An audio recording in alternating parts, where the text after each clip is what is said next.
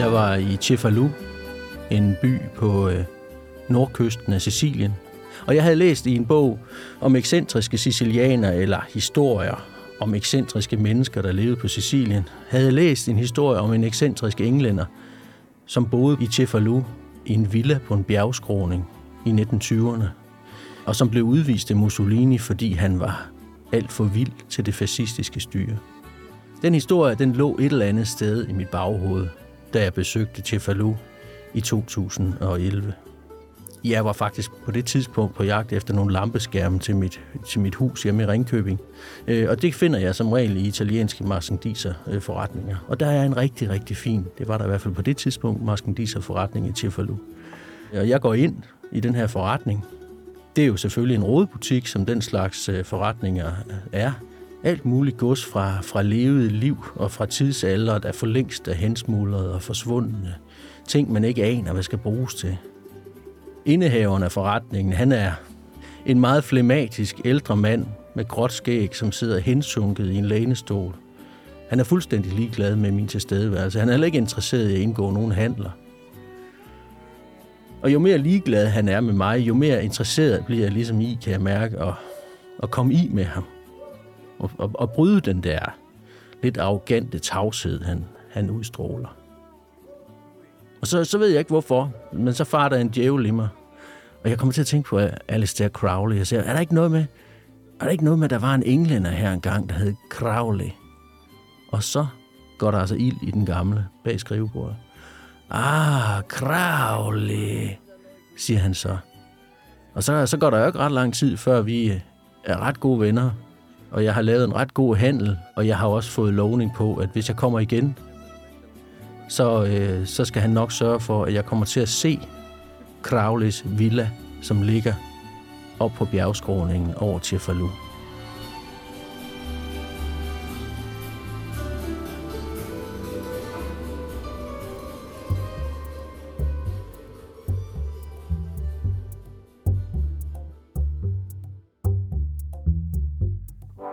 Velkommen til den yderste grænse.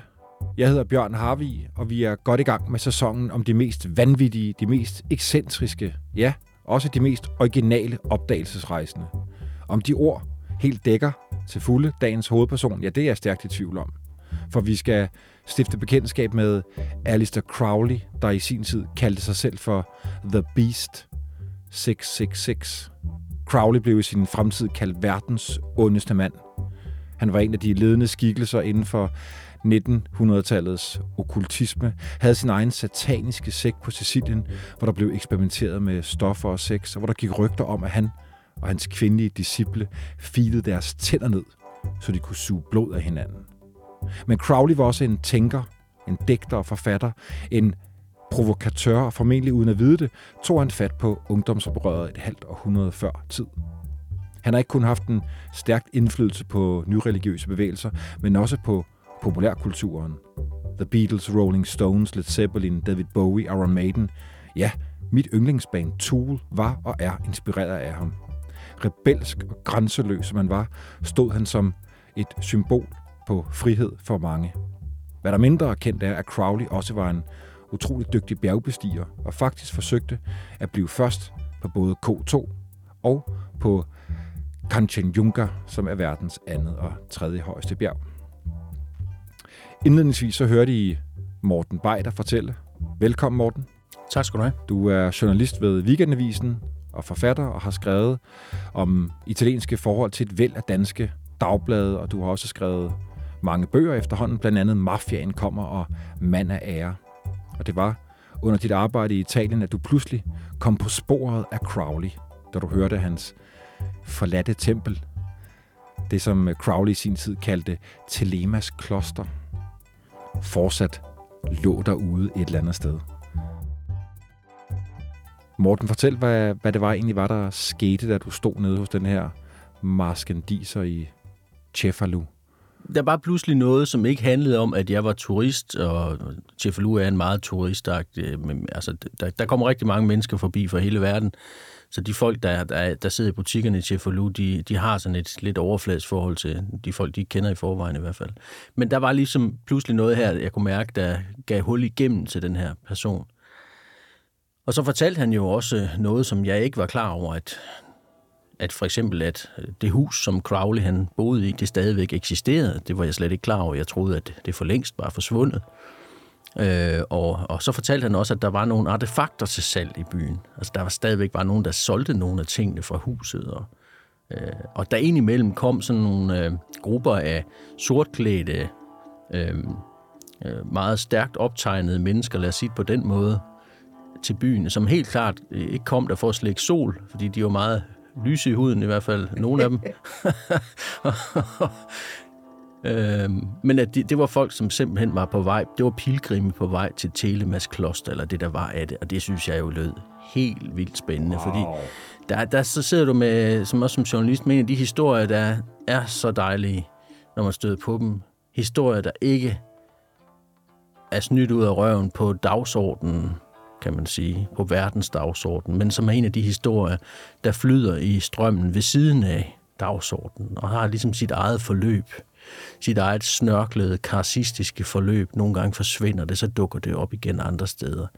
Øh, og du aner ikke, hvad det har lavet i mellemtiden. Var det derfor, du spurgte om Crowley? Nej, det var egentlig virkelig, fordi at jeg, var, jeg, var lidt, jeg blev lidt piret af den her mand, som helt klart ikke gad snakke med mig, og Øh, og så tænkte jeg, nu, nu, nu, nu trækker jeg skulle lige det her kort for at se, hvad der sker. Ikke? Fordi nogle gange, så, så skal man virkelig bare snakke lidt ved siden af, for at få hul igennem til folk. Jeg elsker, når jeg er ude, og som journalist, også når jeg ikke er på opgave, at komme i kontakt med folk og, for, og høre noget om deres liv, om deres tanker. Og det er ikke alt sammen noget, jeg nødvendigvis skal bruge til noget, men, men man bliver altid lidt klogere hen ad vejen. Ikke? Og det var egentlig bare den øvelse, jeg var ude i der, som, som jeg gør så tit, når jeg, når jeg er ude. Og så var jeg selvfølgelig piret af den her historie, som jeg kan huske havde læst om i, i en bog for nogle, altså nogle år tidligere.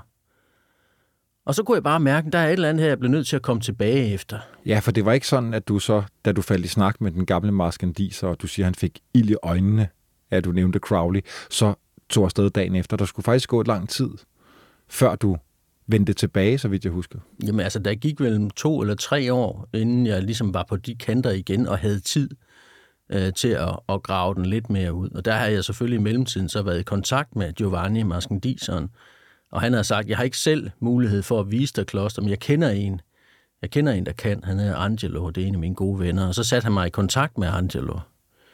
Øh, vi talte sammen i telefonen nogle gange. Og Angelo viste sig at være sådan en, en ældre, meget ældre, pensioneret øh, øh, kvægbonde, kvægbjergbonde, øh, som havde på et tidspunkt været i, i krig med den lokale mafia og måtte flytte væk fra Sicilien, og, og så tilbage igen har mistet sin, sit ægteskab på det, og været i, i Kolding og, og, og hjemhente et helt flok i jersikøer. Okay. Så altså igen, de der ting, øh, alle de der små detaljer er jo så vanvittige, som man kan sige, eller bare fantastisk, man kan sige, Nå, okay, så han har været i, i Kolding og hentet jersikøer, og så havde de køer gået rundt deroppe på skråningerne over Crowleys kloster. Øh, ja, men det, det er bare nogle, nogle dejlige små detaljer, som på en eller anden måde, øh, synes jeg, er meget øh, ja, livgivende. Hvad fandt du ud af de øh, år, der skulle gå fra, at du stod nede hos Marsken Dison, og så kom tilbage? Du blev måske klogere på, hvad, hvad, var, hvad var Crowley for en fyr? Ja, jeg var nødt til at springe øh, ud i det, da jeg kom hjem, ikke? Og, og fik, fandt ud af, i hvert fald lige i året op til, der begyndte jeg så at læse nogle ting om, om Crowley og fandt blandt andet ud af, at, at han står op til øverst til venstre på Sgt. Pepper albumet. Der står han sgu. The Beatles. Ja. ja. Man kan jo påstå, hvem står ikke lige på det der. Men han er med. Men, men, men han er der altså, og han står der og ser, ser grum ud. Ikke? Og det, det er jo spændende i sig selv, at han har fået lov til at være med i den, uh, på det cover der. Ikke? Der er han jo så død på det tidspunkt, da hans billede bliver brugt, da han døde 47. Ikke? Og spændende er det også at læse om ham, om, om alle de Jamen alle de musikere og, og tænkere i det hele taget, som er blevet inspireret af ham igennem tiden, alle de sange, som er skrevet til hans pris, og alt det, han har inspireret til, øh, var enormt spændende. Og jeg fandt også ud af, at han har tilbedere i Danmark også i dag. Det lykkedes mig ikke at komme i kontakt med nogen af dem. Forsøgte du? Ja, det gjorde jeg da. Jeg forsøgte at henvende mig, men jeg fik aldrig noget svar. Fordi det, jeg synes, at det kunne være spændende at, at høre noget mere om deres tanker om ham, og hvorfor at, øh, han betyder noget for dem i dag. Morten, fortæl om, lad os, lad os starte med ikke nødvendigvis øh, hans første skoleår, men lad os lige øh, spole tiden tilbage. Hvad ved vi om hans øh, barndom? Jamen, han kommer fra en forholdsvis lille by i, i England. Hans far var brygger. Familien var ligesom indstøbt i rigtig meget religiøsitet. Plymouth-brødrene var den retning, kan man sige, af, af kristendommen. De, altså, det er jo, så vidt jeg har forstået, nu er jeg ikke nogen religiøs ekspert, men så vidt jeg har forstået, så er det sådan, sådan meget missionsk. Øh, meget strenghed, mange ting, man ikke må.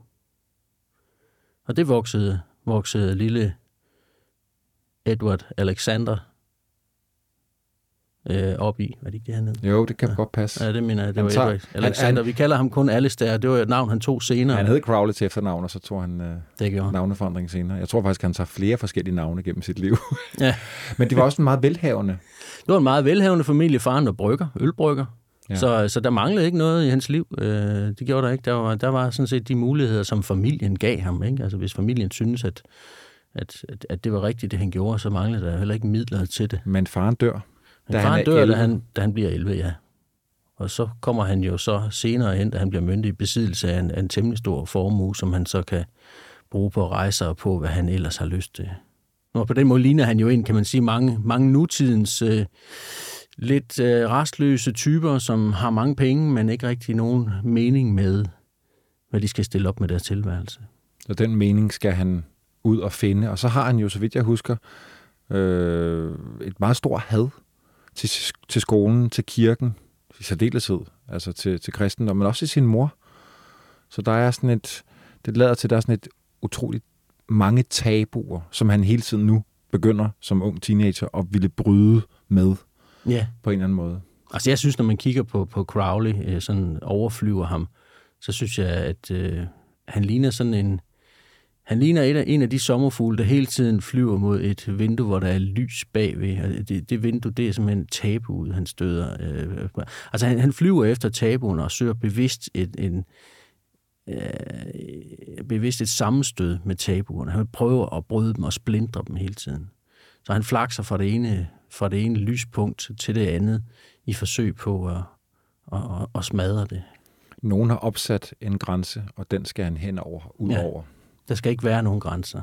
Ja. Do what thou wilt, som han også senere sagde. Ikke? Gør, hvad du vil, skal være loven. Morten, han læser tre år på Cambridge, og så vidt jeg husker, så, øh, så stopper han øh, kort inden eksamenerne, hopper ja. Ud af studiet.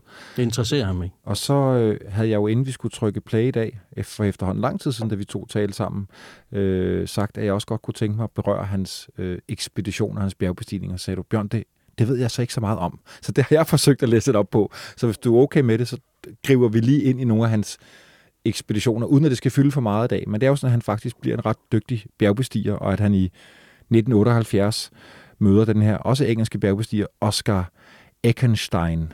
Og de tager sammen til, øh, til, til, til Schweiz, øh, hvor, de, øh, hvor de træner øh, med henblik på, og det er allerede deres drøm der, at komme til, øh, til K2 i Pakistan, verdens næsthøjeste bjerg, som jo på det tidspunkt ikke er blevet bestedet. Øh, så vidt jeg kan forstå, så har med Eckenstein, han har opfundet nogle, hvad, hvad kalder vi dem?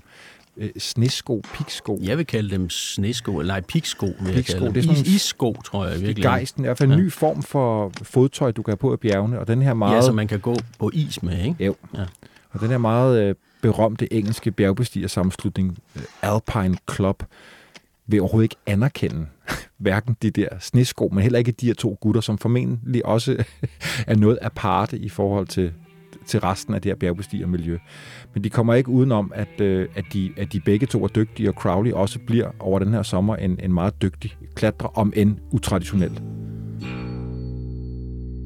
Der er en, øh, der er en, øh, en forfatter, der hedder Tom Longstaff. Det er hans citat, jeg har fundet på nettet. Han skriver en bog, der hedder This is my voyage, og han skriver om Crowley, efter at Crowley har øh, gået på et, et bjerg, der hedder Merdi Glass. Der skriver Tom Longstaff, Jeg har set ham, Crowley, klatre op af den farlige og svære højre side af Merdi Glass, alene som var det en spejdertur. Formentlig den første og måske eneste gang, denne vanvittige, farlige og svære tur er blevet gjort. Så det, det lader til, at, øh, at der er et par unge gutter, der, der faktisk kan finde ud af det her med, med bjergbestigningen, og det kommer til at fylde noget i, i årene, der kommer. Øh, senere på sommeren august 98, der tager øh, Crowley en, en pause for, for træning med Eckenstein, og så møder han en fyr, der hedder Julian Baker. Og øh, Baker er en, en del af en okult orden, som jeg egentlig ikke havde hørt om før, men som jeg ved, du har kendt, Morten, som hedder The Golden Dawn. I'm closer to the golden dawn. Immersed in Crowley's uniform of imagery.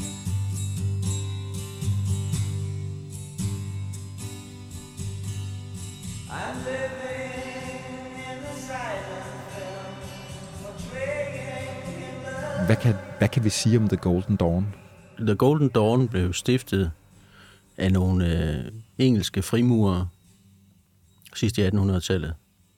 Frimurerorden havde jo i forvejen, eller frimurerkulturen kan man sige, har jo i forvejen en masse okultisme bygget ind i sig øh, i forbindelse med deres optagelsesritualer osv. Men i, i 1800-tallet, der skyller øh, der jo sådan en, en spiritualistisk øh, bølge ind over over vores øh, vestlige kultur. Der er jo rigtig meget gang i den nede i Ægypten. Øh, der bliver gravet for fuld knald. Det gør der så også i Pompeji i Italien. Det vælter op med fortidsminder fra jorden. Man kan købe stødt mumie på apoteker i Danmark og alle mulige andre steder. Okay. øh, fordi man mener, at det måske har en helbredende effekt på nogle ting.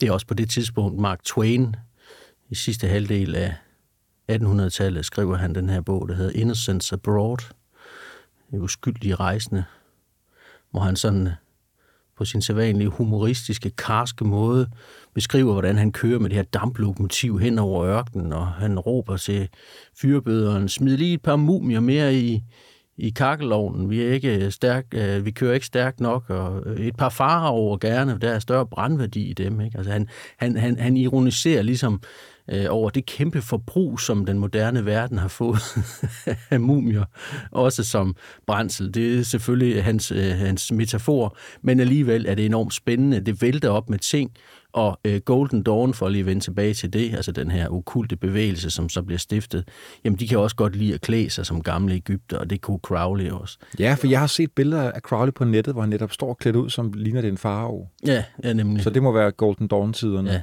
Men i 1800-tallet her, hvor, hvor, hvor man kan sige, at det hele det begynder, øh, også for Crowleys vedkommende, jamen der er der sådan en eller anden form for, vi har haft oplysningstiden, som har ligesom lirket boldene lidt løse i forhold til, til, til det religiøse og til, hvordan verden er skruet sammen og hvordan vi opfatter verden. Øh, og, og, og de bolde, de bliver jo nærmest sådan helt løse i løbet af 1800-tallet og springer i nogle tilfælde af. Og der er jo sådan en masse, masse forsøg på at redefinere alting og finde nogle nye sandheder i forhold til de gamle sandheder, som man måske var blevet lidt træt af.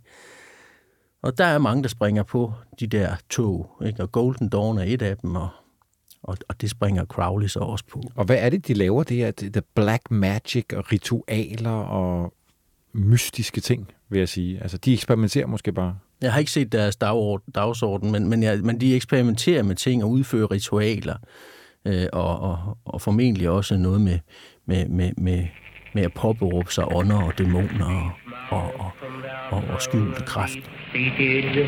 the choirs of the eons declare the last of the demons. Og så, så vidt jeg husker også, at mange af de her, den her magiske praksis, de havde, var, var mens de tog stoffer og eksperimenterede med stoffer. Det er noget, der også kommer til at fylde meget for, for Crowley senere hen. Du, jeg tror, du siger, at han, han senere hen bliver narkoman. Han bliver en narkoman. Han kommer både på coke og på heroin.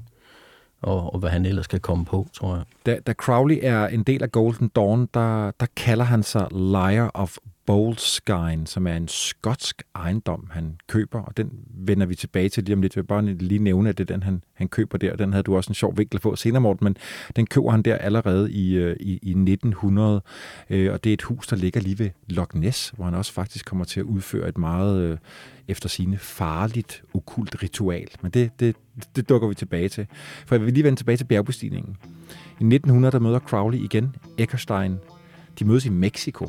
Altså, jeg vil bare lige sige til dem, der sidder og lytter med derude, der er så mange rejser, så mange begivenheder, så mange vanvittige ting, der sker i Crowleys liv, så vi kommer ikke til at lave et fuldt, fyldskørende billede af ham. Øhm, men men, øh, men øh, Crowley møder øh, Eckerstein i, øh, i Mexico i 90, og øh, Eckerstein driller ham efter sine lidt. Altså det her, hvad, hvad er det for noget poesi, og hvad er det der okult, du går og leger med? Altså, det handler jo formentlig om, at, at, øh, at, øh, at du har et problem med at kontrollere dine tanker, mener Eckerstein. Du er distræt, og du spiller din øh, energi. Du skal lære at koncentrere dig. Og så finder de bjergbestigningen igen.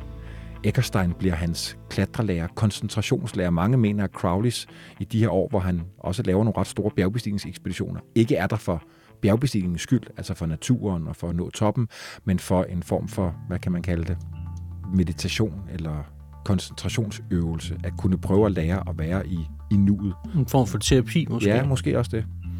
De to, de, øh, de tager faktisk til, øh, til Calcutta i, i, i Indien, og øh, i marts 1902 tager de sammen med et, et større hold til, øh, til Pakistan for at, øh, at komme på K2, verdens øh, næsthøjeste bjerg, som jo på det tidspunkt ikke er, er bestedet før. Øh, og jeg ved ikke, hvor meget tid vi skal bruge på den ekspedition. Jeg er jo heller ikke øh, ekspert i den. Men øh, så vidt jeg kan forstå, så, så kommer de højt op. 20.000 fods højde, højere end, end noget andet menneske har været på K2. Øh, den bliver ramt, ekspeditionen bliver ramt af, mener de, af Crowley, upålidelige bager, dårlig vejr og sygdom. Og efter næsten 70 dage på bjerget er de nødt til at, at give op, men de når som sagt højere end noget andet menneske øh, har været. Jeg har fundet sådan et, et billede af Crowley fra hans K2-ekspedition. Har du, kender du det billede? Jeg vil lige vise dig det, Morten. Har du set det? Nej, det tror jeg ikke. Mange af de senere billeder, også det billede, der er som, som cover på den her podcast, der er han jo en ældre herre, meget øh, rund og skaldet og tyk og ser meget ond ud. Det her billede fra, fra K2-ekspeditionen. Der er meget tynd og meget skægget. Meget tynd, bleg mand. Han sidder og bader i, hvad der ligner en, en bjergsø med stort hår og et langt skæg. Og ser bare, ja, på en anden måde helt vild ud i forhold til de senere billeder, man kender af ham. Men altså K2-ekspeditionen øh, bliver ikke øh, til noget. Øh, han vender efter 16 måneder hjem til, øh, til England, og så, inden han skal ud på sin næste bjergbestigekspedition, så rejser han til Ægypten i 04 med en kvinde, der hedder Rose Kelly. Er der nogen af der ved noget om hende? Rose. ikke så forfærdeligt meget. De bliver gift. Ja, og dagen efter tager de på bryllupsrejse. Ja. Og de får, og de får et barn, der dør. Ja. Men inden da, der rejser de på deres bryllupsrejse. Ja.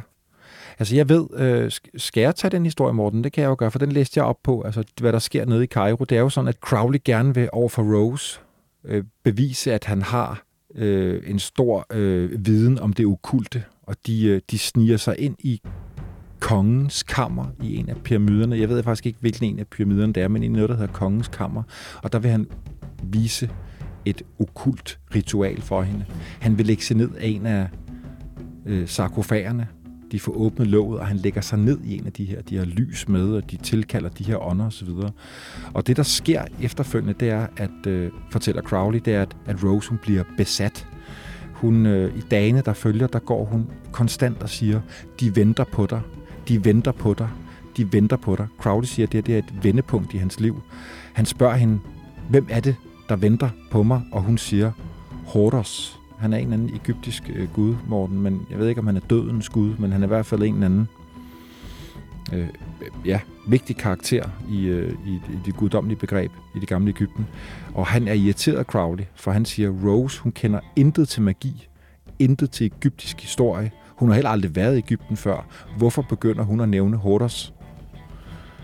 Og så siger han, at vi bliver nødt til at undersøge det her nærmere. Der ligger et stort museum i Cairo, hvor de tager hen.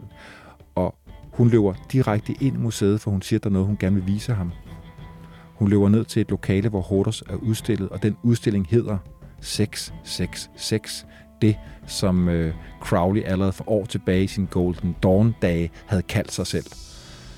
Og så bliver han på det tidspunkt, ja, hvad kan vi kalde det, besat eller sindssyg. Han får en ny mening med Han livet. får en ny mening med livet. Han siger, at, øh, at, at det her besøg på museet, og det her med, hvad Rose havde oplevet efter deres ritual ude i pyramiderne, jamen det gør, at den dæmoniske verden åbnede sig øh, for ham. Han betragter sig selv som en profet i en ny religion, en form for øh, reinkarnation af, af gamle dæmoner.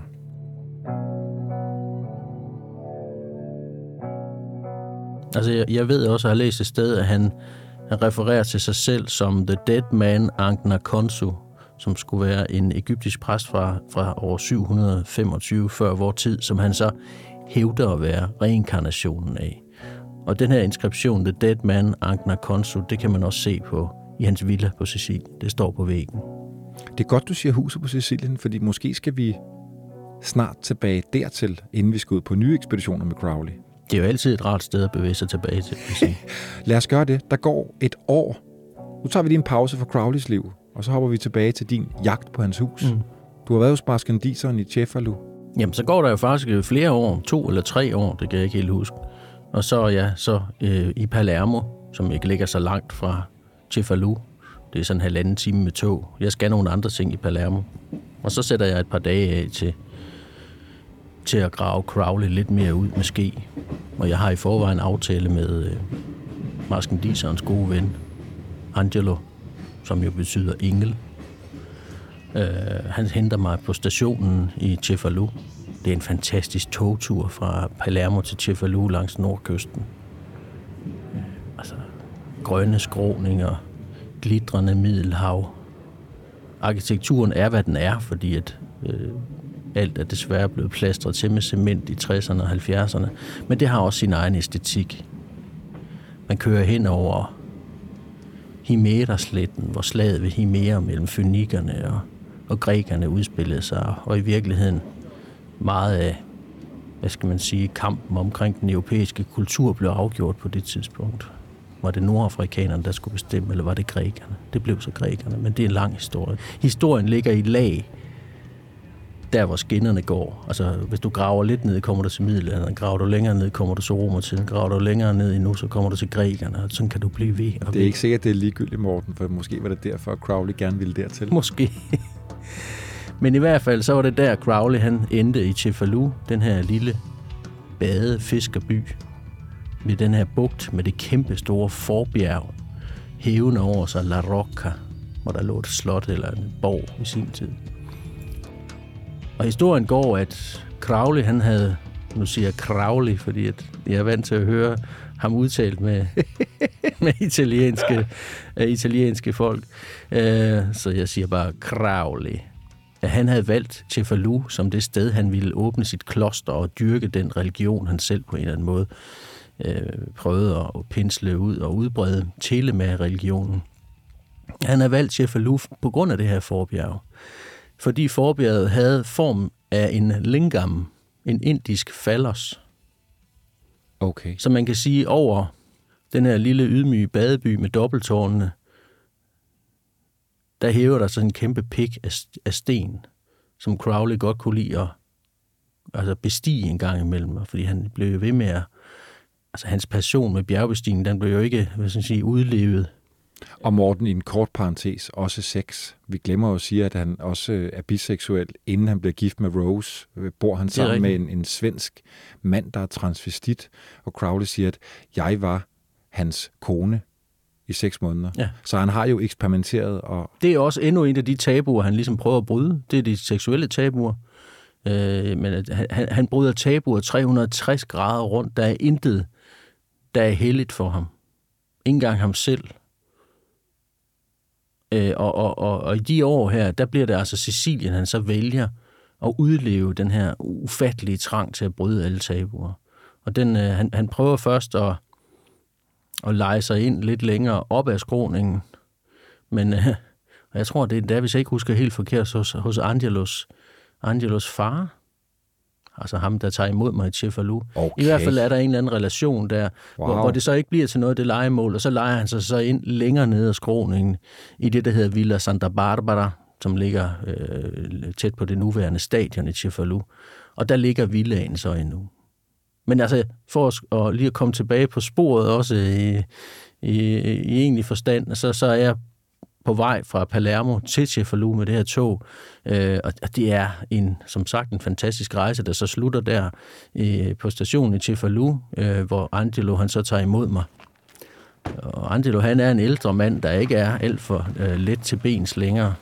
En gammel kvæbunde, øh, som Giovanni Maskendiseren har øh, han har sagt, sagt, at kan du ikke lige vise ham der, Morten der, op til det der, og så snakker vi sammen bagefter.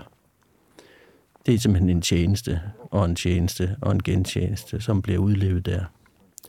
Vi tager en taxa derop fra stationen, snakker lidt med taxichaufføren undervejs, hører lidt musik, og, og så bliver vi sat af ved klosteret, eller ved stadion, hvor klostret så ligger på den anden side af et rækværk.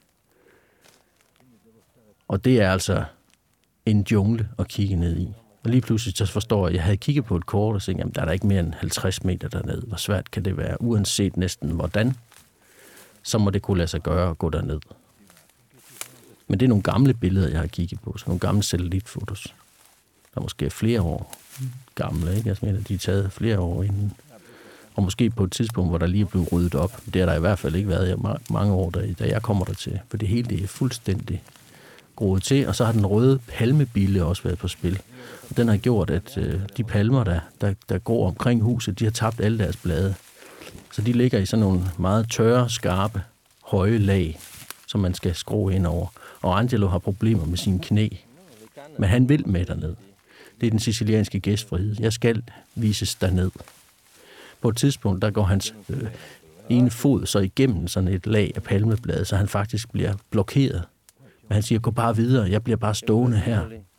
Altså det kunne lige så godt være is, vi, vi gik i, eller et eller andet. Vi kunne lige så godt befinde os på Grønland. Alt virker øde omkring os, og vi virker sådan... Det virker som en, en temmelig farlig situation, også fordi jeg ved, der hvor jeg skal hen, jeg skal hen på ondskabens hotel, han har sagt. Ikke?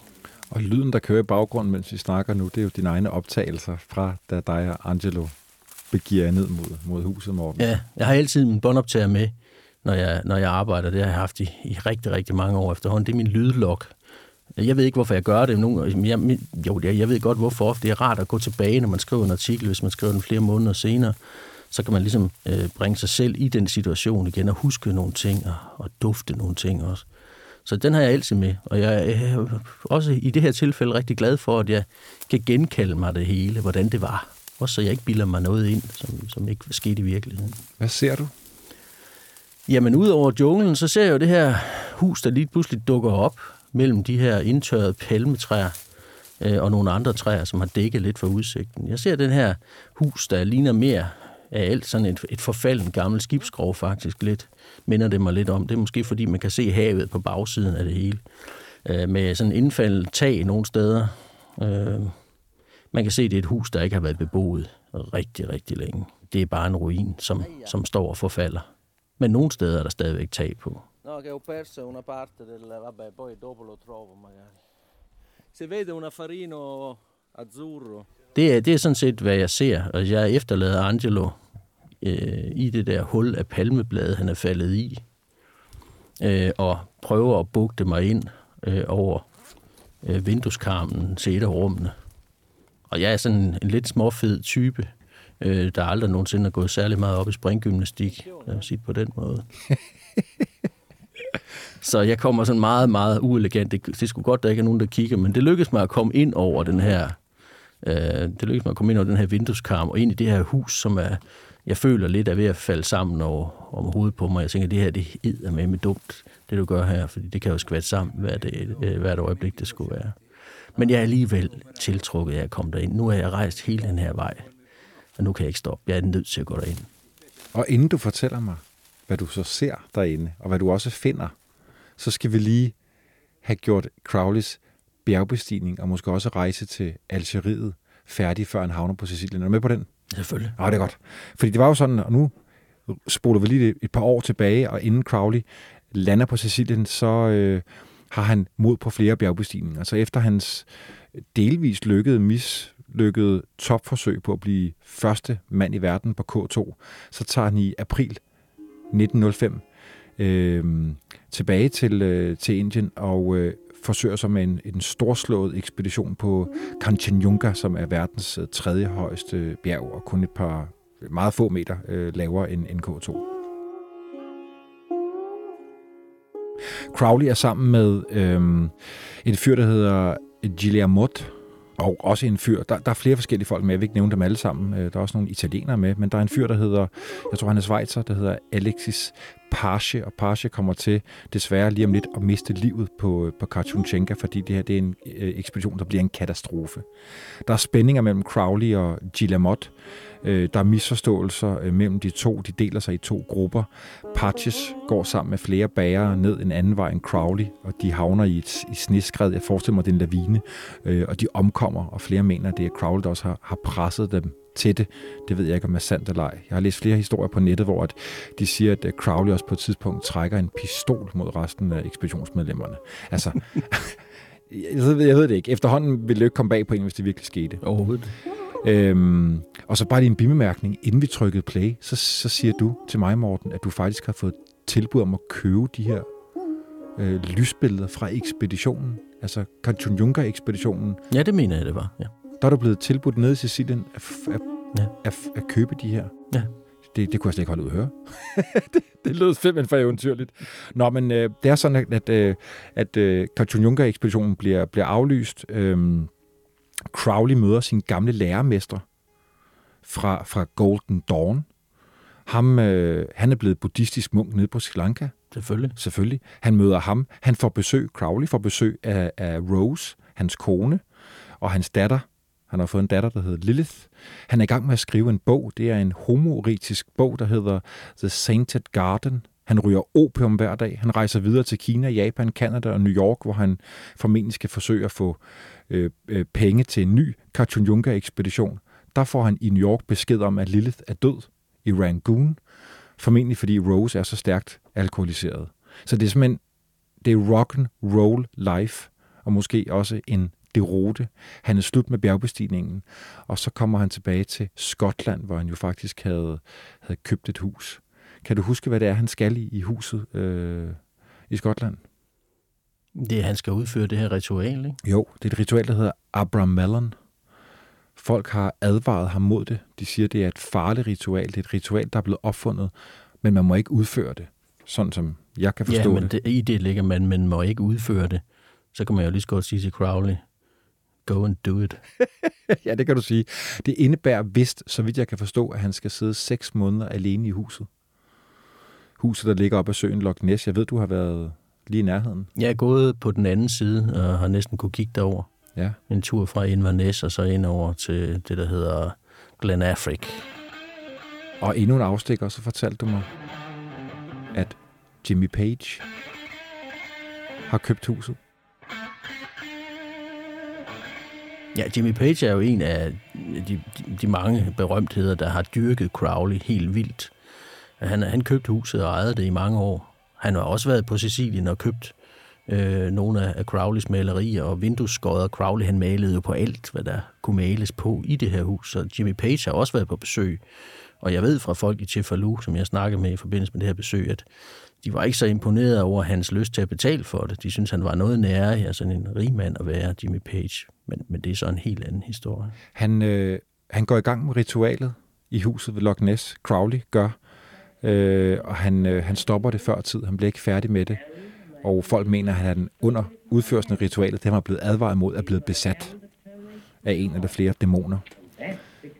Inden vi skal til Sicilien, Morten, så, så øh, er han blevet skilt med, øh, med Rose i mellemtiden. Og i 1909 rejser han med sin elsker, en, øh, en mand, der hedder Victor Neuborg, til den algeriske ørken, hvor de sammen skal udføre et, øh, et homoseksuelt ritual. Jeg ved ikke, hvor meget vi skal gå i detaljer med det. Altså, jeg har, det sad jeg læste om i går aftes. Altså, jeg, jeg må sige, jeg er også blevet ret fascineret af Crowley. Lad mig bare høre, lad mig bare, lad mig bare høre. Jeg, jeg, jeg, jeg, jeg er nysgerrig. Ja, okay, men så, så vil jeg da bare lige kort fortælle, hvad jeg læste op i går. Det er jo sådan noget, jeg har, har fundet på nettet her. Men altså, de to mænd, Neuborg og øh, Crowley, er taget ud, et, øh, ud til et bjerg, der hedder Dale Ardin. Og, øh, og der, der, der, der laver de en, en cirkel i sandet, beskrevet med Guds hellige navne. I nærheden, der laver de en, en trekant, som også er blevet øh, beskrevet med, med, med guddommelige navne. Det ved jeg ikke, hvordan man gør, altså om de simpelthen har, har tegnet i sandet og lavet de her. Men altså, et af de her navne skulle tilhøre en, øh, et guddommeligt navn, eller en gud, der hedder Choronson. Jeg ved ikke, hvem, hvem det er, og i hvilken forbindelse, at, at det er, er dukket op det her. Men altså, der, der offres tre duer derude. Øhm, og, øh, og duernes øh, blod bliver lagt på den her trekants hjørner. Nøjborg, han går ind i cirklen. Han er bevæbnet med en magisk dolk. Og han har fået streng bested af Crowley på, at han skal bruge den, hvis noget, selvom det her noget ligner Crowley, prøver at bryde ind i cirklen. Crowley han påkalder dæmonen, som skal melde sig. Og der står, at dæmonen siger, jeg ved ikke, måske er det Crowley, der siger det, Sasas, sasas, nastadanda sasas. Jeg er mig, fra mig kom spedalskhed og kopper og pest og kraft og kolera og den faldende syge. Åh, jeg vil strække mig til det højeste knæ og flå hans falders af med mine tænder, og jeg vil knuse hans testikler i en morter og lave gift af dem for at dræbe menneskehedens sønner.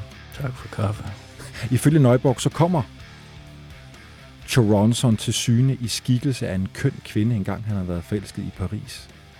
Og denne her kvinde forsøger at lokke ham ud af cirklen, hun er fuldt af en hellig mand og en slange. Og øh, øh, ja, altså jeg ved ikke, jeg ved ikke, om jeg helt kan holde hovedet rent her i historien. Men pludselig så springer den her Charonson fra trekanten og så ind i cirklen. Det er jo det, der ikke måtte ske. Og så slår han Nøjborg til jorden. Ifølge Nøjborg, så slås han med dæmonen, som nu er blevet til en nøgen vildmand, der prøver at bide hans hals over med frodende hugtænder. Han får nedkæmpet dæmonen, der forsvinder Crowley kommer nu til syne i trekanten, og Crowley bekendtgør, at han har oplevet at være Choronson. Hold da og, og, og så skal vi tilbage til Sicilien, tror jeg. ja, det tror jeg også, vi skal. Du er på vej ind i huset? Jeg er på vej ind i huset, og jeg lander med et klask øh, ind i huset. Hen over vindueskarmen, og fordi at jeg kan ikke komme ind igennem døren. Øh, og jeg lander lige i det værelse, finder jeg ud af, der må hedde Maritsværelset, som var Crowleys øh, soveværelse. I hvert fald ifølge fortællingerne om huset. Morten, fortæl, hvad, hvad det var for et hus, og hvad var der for et kloster? Hvem, hvem, hvem boede der? Jamen altså, der boede, Crowley boede der, og så med, med skiftende klientel. Altså, der var to kvinder, som han kom, som han kom til, øh, til stedet med som han kaldte sine øh, skarlagens kvinder. Øh, det var en fransk amerikaner, der hed Ninette Fro, og så en svejsisk amerikaner, der hed Lea Hirschig. Øh, de to var sådan set den faste bestanddel af, af klientellet, men så kom der alle mulige andre. Der kom også en berømt stumfilms skuespiller ind, en amerikaner, jeg kan ikke huske, hvad hun hed, men hun var der også på et tidspunkt. Der var også en del mænd, som var forbi der. Hvad, hvad foregik der i huset? der foregik alle mulige ting, i hvert fald i fortællingerne om det, at de rendte nøgne rundt og, øh, og havde sex med hinanden, også foran de børn, der så også var der, øh, og udførte ritualer, øh, sex-ritualer, sex magic, som de kaldte det. Det kan de så næppe have gjort hele tiden. Øh, men, øh, men, men et ret vildt liv, hvor de prøvede hele tiden at leve efter, at der ikke var nogen regler. Det blev så selvfølgelig nok også en regel i sig selv, kan man sige. Men i hvert fald var, var det jo noget, et, en livsform, som jo for i hvert fald øjnene, der så udefra, var vildt, helt vildt i forhold til det liv, som, som, som ellers udspillede sig i Cefalu, i hvert fald i offentligheden. Ikke? Og det her, det foregik jo halvvejs offentligt, fordi man kunne stille sig på skråningen og, og se, se derned. Og jeg har også hørt øh, nogle af folk, jeg har snakket med i Cefalu, som som har lavet lidt sjov med det og sagt, ja, men der stod mange, der stod mange bundedrenge der på skråningen og gokkede den af, når de så de her nøgne kvinder, der rendte rundt øh, nede i Villa Santa Barbara, ned i, i Crowleys kloster. Du kommer ind i det her maritsværelse. Fortæl, hvordan der så derinde. Ja, meget afpillet rum i virkeligheden. Man kan se, det er en bygning, der ikke er blevet holdt ved lige i rigtig mange år. Øh, der har været en masse malede bemalinger på væggene, som er, som er skaldet af. Noget af det er blevet malet op igen, øh, og noget af det er stadigvæk, ligner i hvert fald stadigvæk autentiske malerier fra, og hvad, hvad, fra er det, hvad er det for nogle malerier? Jamen, der er blandt andet maleri af et ansigt med, og sådan et ansigt med en, en, en pik på hovedet. Øh, okay. Ja, altså, hvad skal man sige, et djævlehoved, som kigger beskueren direkte ind i øjnene, med, med håret sat op i en, øh, i en lille stiv pik. Og så ovenover, der står der så med versaler, The Dead Man Ankna Konsu. Og det er så den her egyptiske præst, som, som Crowley mener, han, han nedstammer fra. Hold nu op. Så øh, for, for neden af på nogle af væggene, der står der også nogle, nogle indskrifter, som sandsynligvis er Crowleys egne. Blandt andet et, et lille digt, eller et lille rim. Stab your demonic smile to my brain. Soak me in cognac, cunt and cocaine. Det er jo meget flot rim, synes jeg. Jo, jo. Øhm, og så er der et rum ved siden af, øh, som, som Crowley kaldte sin tronsal. Og ifølge de beretninger, øh, øh, der ligesom øh, har været øh, derfra, så, så, så var det i tronsalen, at Crowley han udførte sin sexmagi med de her øh, Skarlagens kvinder. Som, som han kaldte Skarlagens kvinder, fordi de var opkaldt efter den ultimative babyloniske hore i Johannes åbenbaringer. Der er jo hele tiden de her religiøse øh, referencer, ikke? Men også med andre, også med nogle af de mænd, som ligesom var forbi, og nogle af dem, de, de tog jo bestyrtet derfra igen, og vendte sig aldrig tilbage. What I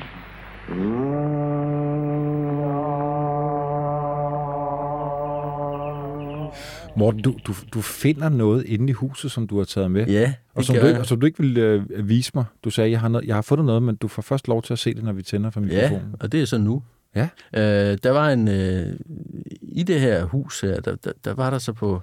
Jeg tror, jeg kan ikke huske hvorhen, men på en sten eller et eller andet, der var der sådan en, en, en gul kuvert, der var øh, forsejlet bagpå med, med rødt laksejl, hvor der står P.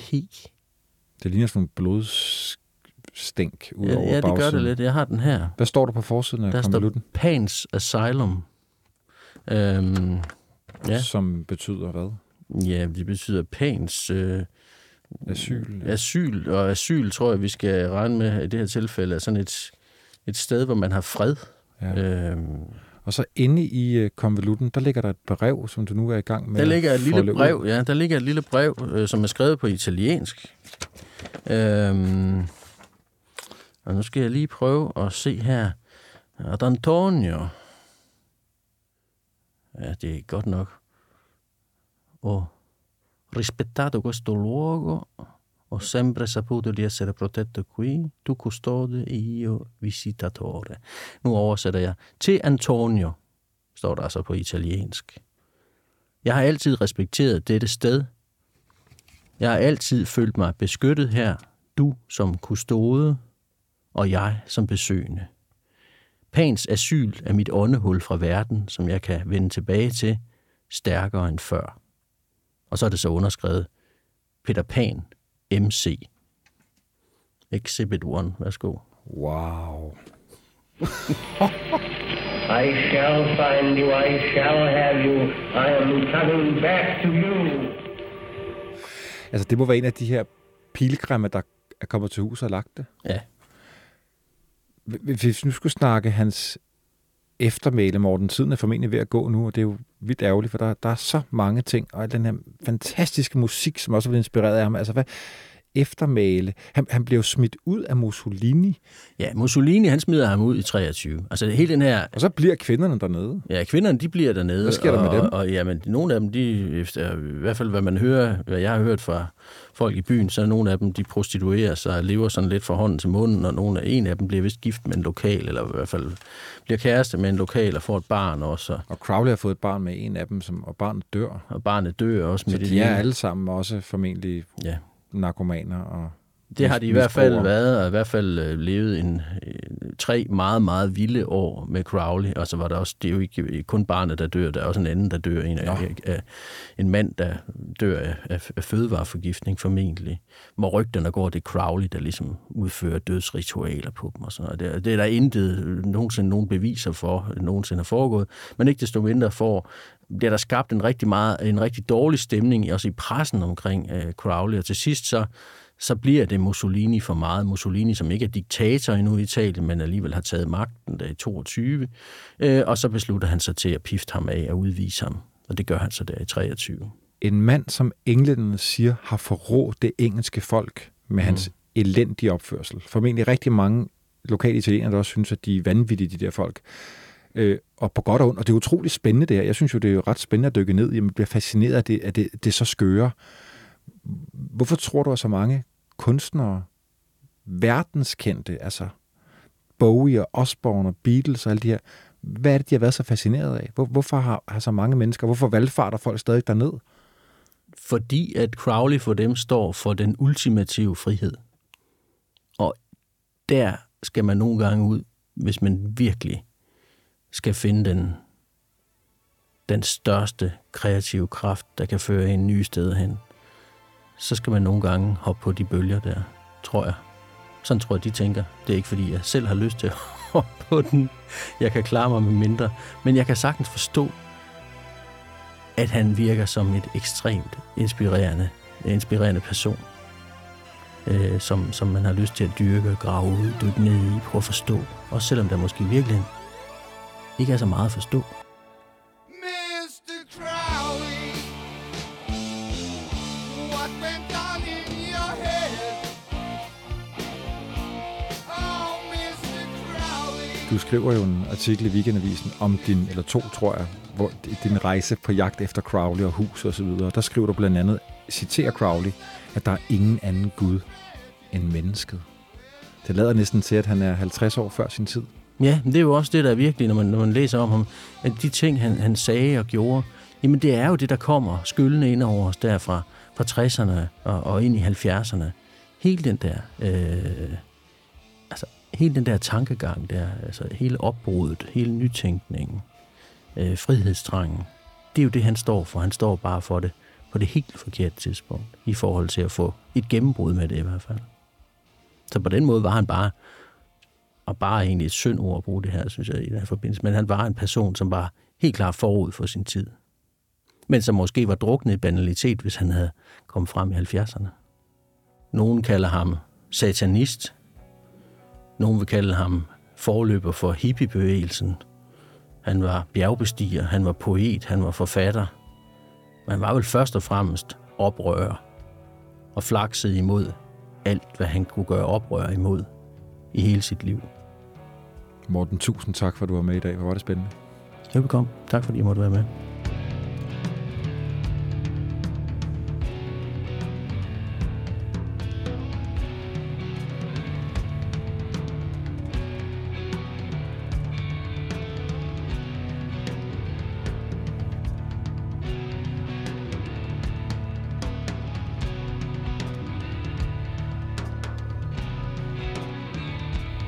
Den yderste grænse er produceret af Jul og Brunse for vores tid og 24-7 med Christoffer Erbo Roland Poulsen som ekspeditionschef på Lyden.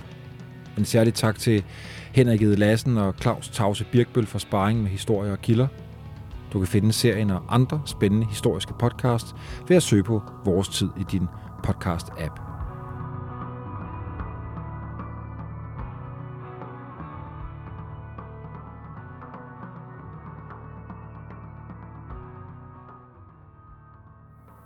For the devil sends the beast with wrath, because he knows the time is short.